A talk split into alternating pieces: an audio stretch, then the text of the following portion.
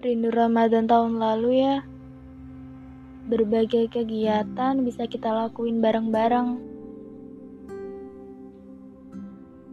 Bisa ngabuburit, bukber, dengerin suara kentongan bangunin sahur, bisa tarawih, bahkan bisa dengar gema takbir di penghujung Ramadan yang sangat menenangkan. Rasanya gak pernah kesepian waktu itu.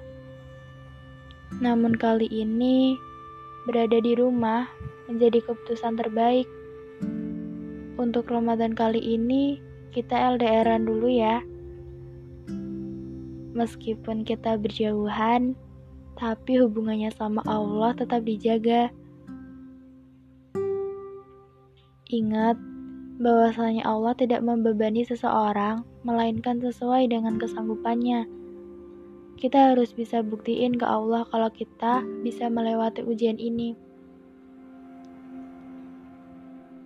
Selamat menunaikan ibadah puasa.